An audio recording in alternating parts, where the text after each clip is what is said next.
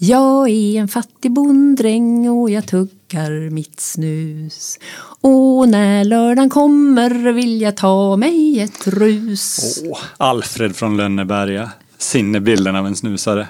Hårt kroppsarbete utomhus. Kan du inte ta lite till? Okej då. Sen när jag blivit livad vill jag tampas och slåss.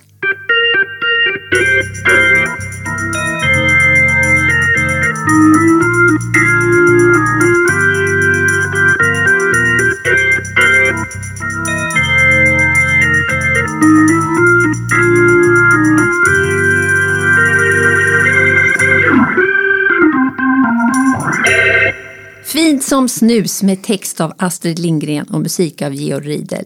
Jag heter Ylva. Och jag heter Christian. Välkomna till en kvart om Göteborg där vi idag främst ska grotta ner oss i tobaksvaror som inte röks. Men för första gången i poddens historia får vi börja med en brasklapp. Precis som det som står på dosans underkant sedan 1971 så skadar snus hälsan och är beroendeframkallande. Bra, men med det sagt så har snus en spännande kulturhistoria ju. Eh, inte minst om vi snackar om Göteborg. Det är verkligen en del av stans identitet. Vi läste ju en nyhet som fick oss in på det här snusspåret. För i oktober förra året så tappade ju en lastbil ut sin last en massa snusdosor i Marieholmstunneln. Det var någon som fick, en, fick sig en dosa snus där utan kostnad va? Ja, det kan vi nog slå fast. va? För att i en och en halv timme så var två körfält blockerade. Och den här vägtrafikledaren Martin Gärdehed sa till GP Några bilister fick gratis snusdoser kan man säga. Alltså jag vet inte varför, men på något sätt känns den här händelsen väldigt göteborgsk. Alltså det är ju lätt att skratta åt bilderna av snussugna med famnen full där i tunneln. Men det fick ju oss att börja fundera kring allt det här med snus. Men ska vi göra som vanligt då och börja från början? Nej, jag vill faktiskt chocka lyssnarna och börja i andra änden. Okej. Och med lite siffror. Ja, men det här låter scary, men okej, kör på. Alltså idag snusar ju ungefär en miljon svenskar. Och av dem är 25 procent kvinnor. Och mellan åren 1997 och 2004 så ökade kvinnors snuskonsumtion med hela 300 procent. Och är det det, är det, hänger det ihop med portionssnuset eller? Ja, det, det har öppnat pärleporten för kvinnors snuskonsumtion kan vi säga. Eh, och slår man ihop det så snusar svenskar upp ungefär 7000 ton snus. Och det är lika mycket som, som det var år 1919. Men idag har vi då 4 miljoner fler invånare. Så, nu är jag beredd att backa bandet och ta det, ta det från start. Okej, men var är start då? Ska vi till Peru där man har funnit 8000 år gamla spår av tobaksodlingar? Nej, vi tar inte det idag. Jag skulle vilja börja med en scen som utspelar sig en morgon i mitten av oktober 1492. Vi är på en strand någonstans i Bahamas och ett gäng europeer med skörbjugg har just fått lite gåvor. Av året och platsen att döma tror jag att jag vet vad du pratar om. Columbus har kommit till Amerika.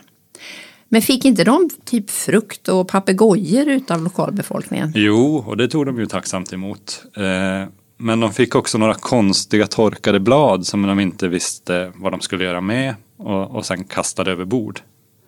Och det här är första gången europeer kommer i kontakt med tobaksblad. Så man kan säga att det var inte direkt succé. Men vad skulle de göra? De är ju långt hemifrån och de är ju definitivt utan Google och så har de det här knippen torkade blad liksom. Alltså, det är ju sant. Och de spejade ju lite där i, i, i Bahamas och såg folk röka de där bladen. Och rätt snart var rökningen en del av den dagliga rutinen för några i besättningen i alla fall. Och sjöfararna tog ju sedan med sig de här fröna hem och tobak började odlas i både Spanien och Portugal. En av de som odlar i sin trädgård i Lissabon, det är den franske diplomaten Jean Nicot. Och förutom att ha gett namn åt nikotin så tar ju han också med sig tobak till Paris där drottning Katarina hade migrän. Och Monsieur Nicot, han gav då henne så här finmald tobak att sniffa upp i näsan. Och hon blev av med huvudvärken och mådde plötsligt, ja, kanske till och med toppen.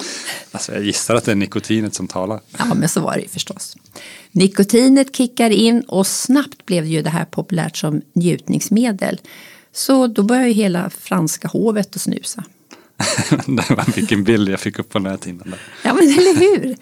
Och när de här franska aristokraterna har piggnat till så tog ju andra hov efter och snuset spred sig. Och nu pratar vi då luktsnus med massa etikettsregler. Det är siliga handrörelser och det är små nysningar i lika små sidennäsdukar. Alltså, det var så här först som snuset först kom till Sverige på 1600-talet och blev då ett nöje för överklassen och borgerligheten. Mm. Men med vanligt folk då? Hade de tillgång till sådana här nöjen? Alltså med tiden fastnade ju även de för tobak. Men då som tuggtobak. Tuggtobak, det var svårt att säga. Ja. Mer. Mm. Tuggtobak alltså. Okej, så framåt 1700-talet då är alla svenska samhällslager hooked på tobak. Men här kommer snuset som vi känner igen det då. Det man kallar läppasnus, matsnus, våtsnus. Ja, alltså det hänger ihop när man börjar använda mycket tobak. Vilket eh, börjar påverka den svenska handelsbalansen. Mm. Är det då den här kung Fredrik den förste sätter ner foten och så 1724 beslutar att nu ska vi börja odla tobak? Precis, men den svenska tobaken eh, som odlas i svenskt klimat den håller inte samma kvalitet som den importerade och den dög helt enkelt inte för tuggtobak. Och vad gör de då? då? Ja, torpare och bönder blandar den malda tobaken med vatten, salt och pottaska. Alltså, nu pratar vi smaksättare. Pottaska användes ju som tvättmedel för. Eh, ja, det är ett universalmedel som också funkade i snus. Eh, den här röran fick sedan jäsa i krukor i flera veckor och sen åkte den in som prillor under läppen då. Mm, då säger vi bara tjoho, baksnusen är född.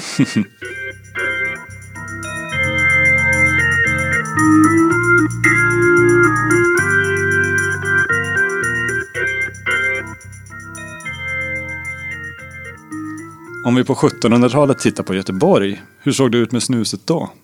Ja, men tobak odlas det i alla fall. Och på landerier och på andra gårdar runt om i innerstan så är det full fart på produktionen. Alltså det är svårt att tänka sig tobaksfält längs Avenyn, vid Ullevi och Olskurtorget idag. Ja, men jag vet. Men det är spännande också. Ja. Alla gjorde dock inte snus av tobaken kan vi säga. Nej, jag har läst att det annars var ganska vanligt att borgare som inte kunde försörja sig på sina vanliga yrken började tillverka snus. Mm. Som en Peter Winge som egentligen vävde silkesstrumpor. Okej. Det fanns det tydligen ingen marknad för i Göteborg på 1700-talet. Och han fick istället tillstånd att då tillverka snus. Därtill hade han en sjuk mor att försörja. Alltså det finns ju många roliga titlar här. Det finns också en skräddare, en instrumentmakare, en flanelltryckare, spegelfabrikanter. Allihopa gav sig in i snusbranschen. Alltså vilka titlar. Ja, men det är tokigt. I mitten av 1800-talet så fanns det i alla fall 24 tobaksfabriker i stan. Eh, Och de flesta var snusproducenter och ganska små. Någon producerade bara 85 kilo snus. Men vad höll de hus egentligen? I våra samlingar så har vi en snuskvarn i trä och mässing.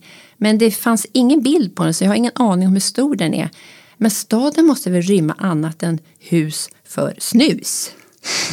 Ja, jo. Men den där snuskvarnen måste vi lokalisera och titta på någon gång. Jag tänker att den är större än sådana där kaffekvarnar som kan stå hemma hos någon äldre släkting. Alltså är det ungefär som en pepparkvarn? Ja, eh, kanske, men jag tror större. Alltså 85 kilo var lite. Eh, Jag vet i alla fall att området runt domkyrkan vimlade av snustillverkare under 1800-talet. Mm, ja, du får berätta. Alltså vi tar kvarteret Bokhållaren mellan Kyrkogatan och Drottninggatan som exempel.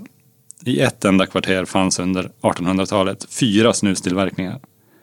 Det är alltifrån en bod på gården där man drev en snuskvarn på Drottninggatan 29 till en trevåningsfabriksbyggnad som Fiedler och Lundgren byggde på gården till Kyrkogatan 40 år 1865.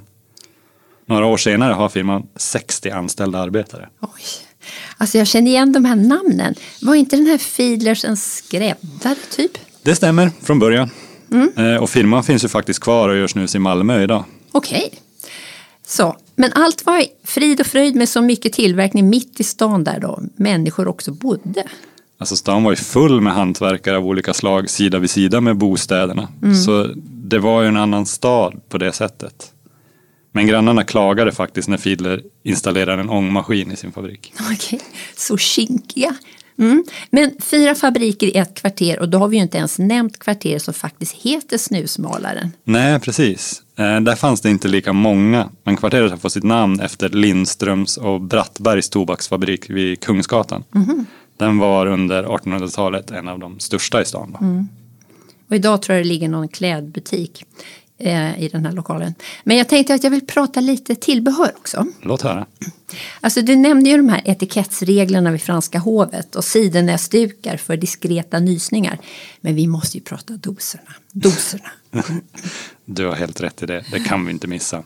Och hovfolket i Frankrike, de hade ju eh, små juveltäckta snusdosor som skulle visas upp så, så ofta man bara kunde. Mm, tjusigt får man säga. Ja. Och det här följer med från luktsnuset till det svenska lössnuset som man hade under 1800-talet och köper i kardus. Nytt ord, vad, vad var det för något? Ja, men det är en, här, en typ av större förpackningar av papper och från vilket man sedan fyllde över i sin egen lilla mindre dosa. Då. Och det här var ju en viktig identitetsmarkör för att berätta något om sig själv. Hur kunde man göra det?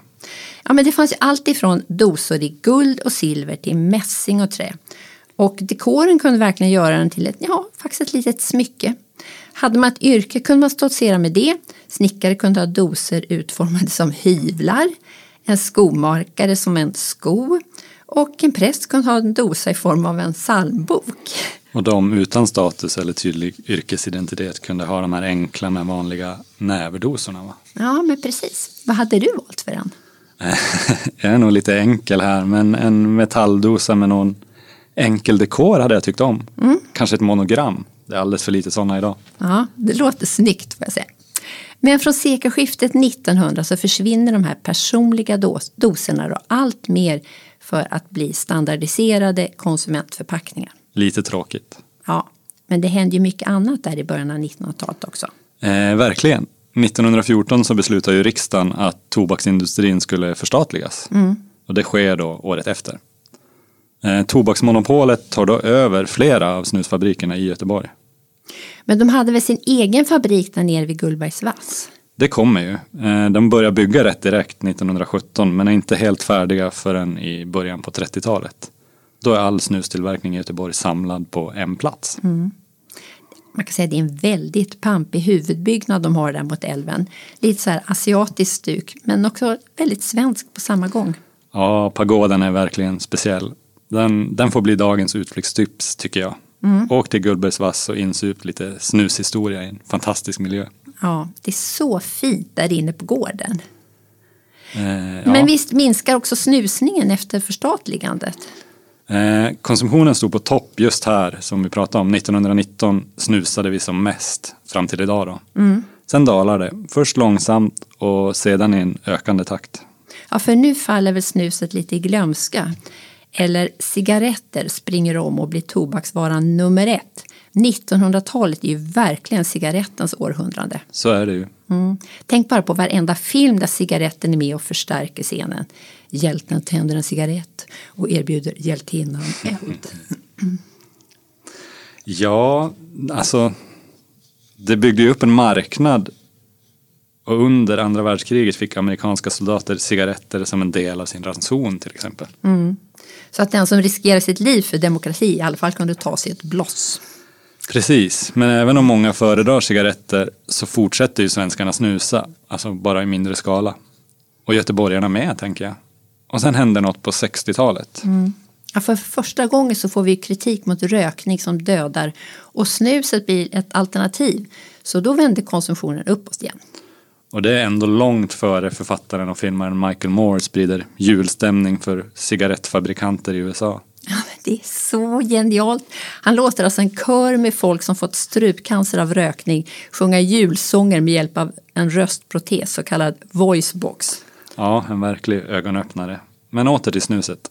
Alltså en rolig detalj är ju att röda lacket, märket, det pikar i samband med studentrevolterna och allt annat som hände 1968. Kanske var det den röda färgen på dosan som sa något om vem man var, på tal om det här med snusdosan som identitetsmarkör. Ja, men alltså var de verkligen så banala i 68 vänster? Alltså ingen aning, men en kul historia är det. Ja. Och sen påbörjas ju nästa uppsving som faktiskt är en Göteborgsuppfinning. Vilken tänker du på då? Portionssnuset. Va? Är den från Göteborg? Ja, men det är faktiskt det. Det var personal på ett vårdhem här i stan som störde sig på fläckar på lakanen. Men de ville liksom samtidigt inte ta snusen från patienterna. Så då hörde de av sig till snusfabriken på Gullbergs vass. Ja, och 1973 så kom det första portionssnuset ut på marknaden. Det floppade givetvis. Men sen gick det stadigt bättre och vid millennieskiftet var försäljningen lika stor som för lösnus. Mm, vilken grej. Och det måste ju hänga ihop med den där enorma ökningen av kvinnliga snusare som skedde där. Ja, eh, med uppsvinget från 60-talet och framåt har ju snuset vandrat uppåt genom samhällsklasserna igen och fått ett starkt fäste i ja, men någon typ av medelklass. Mm, och det här hänger väl troligtvis ihop då också med det där rökförbudet på krogen som kom 2005. Alltså det bidrog nog. Mm. Vi kan slå fast, snus är kultur och fortfarande tillverkas det och luktar snus i Gullbergs vast. Fast nu är en fabrik från 1980-talet intill den gamla pagoden. Och något monopol finns ju inte längre. Nej, men utvecklingen. Alltså jag tänker, många njutningsmedel har ju blivit livsstilsgrejer att bygga identitet kring idag. Mm. Jag tänker på mikrobryggd öl, whisky eller gin. Eller för den delen hamburgare eller annan fräck mat. Mm. Fräckmat. Ja, men lite av det här kan vi se hända med snuset också. Det finns i alla fall ett snuscafé där man kan göra sitt eget snus. Det finns ju nördiga forum på nätet och sorterna verkar ju faktiskt aldrig ta slut. Nej, rikedomen är stor. Mm. Eh, på topplistan över snusmärken idag ligger Nox. Alltså, hänger det ihop med Fort Knox? Oklart om det anspelar på den där amerikanska militärbasen. Men det mest sålda märket på dosa är annars One blå white portion. Alltså det här låter precis som en halstablett tycker jag. Men vem vet, kanske får vi framöver se små mikrosnustillverkare ploppa upp med olika smaker av, ja, kanske frukt och annat. Ja, kanske i kvarteren runt domkyrkan. Eller nischade butiker för individanpassade doser i mässing. Det vore ju verkligen att sluta cirkeln. Hur man än ser på det. Snus och Göteborg hör ihop, det är sedan gammalt. Mm. Och med det får vi plocka ur prillan och säga tack för att ni har lyssnat. Tack från mig också. Vi hörs.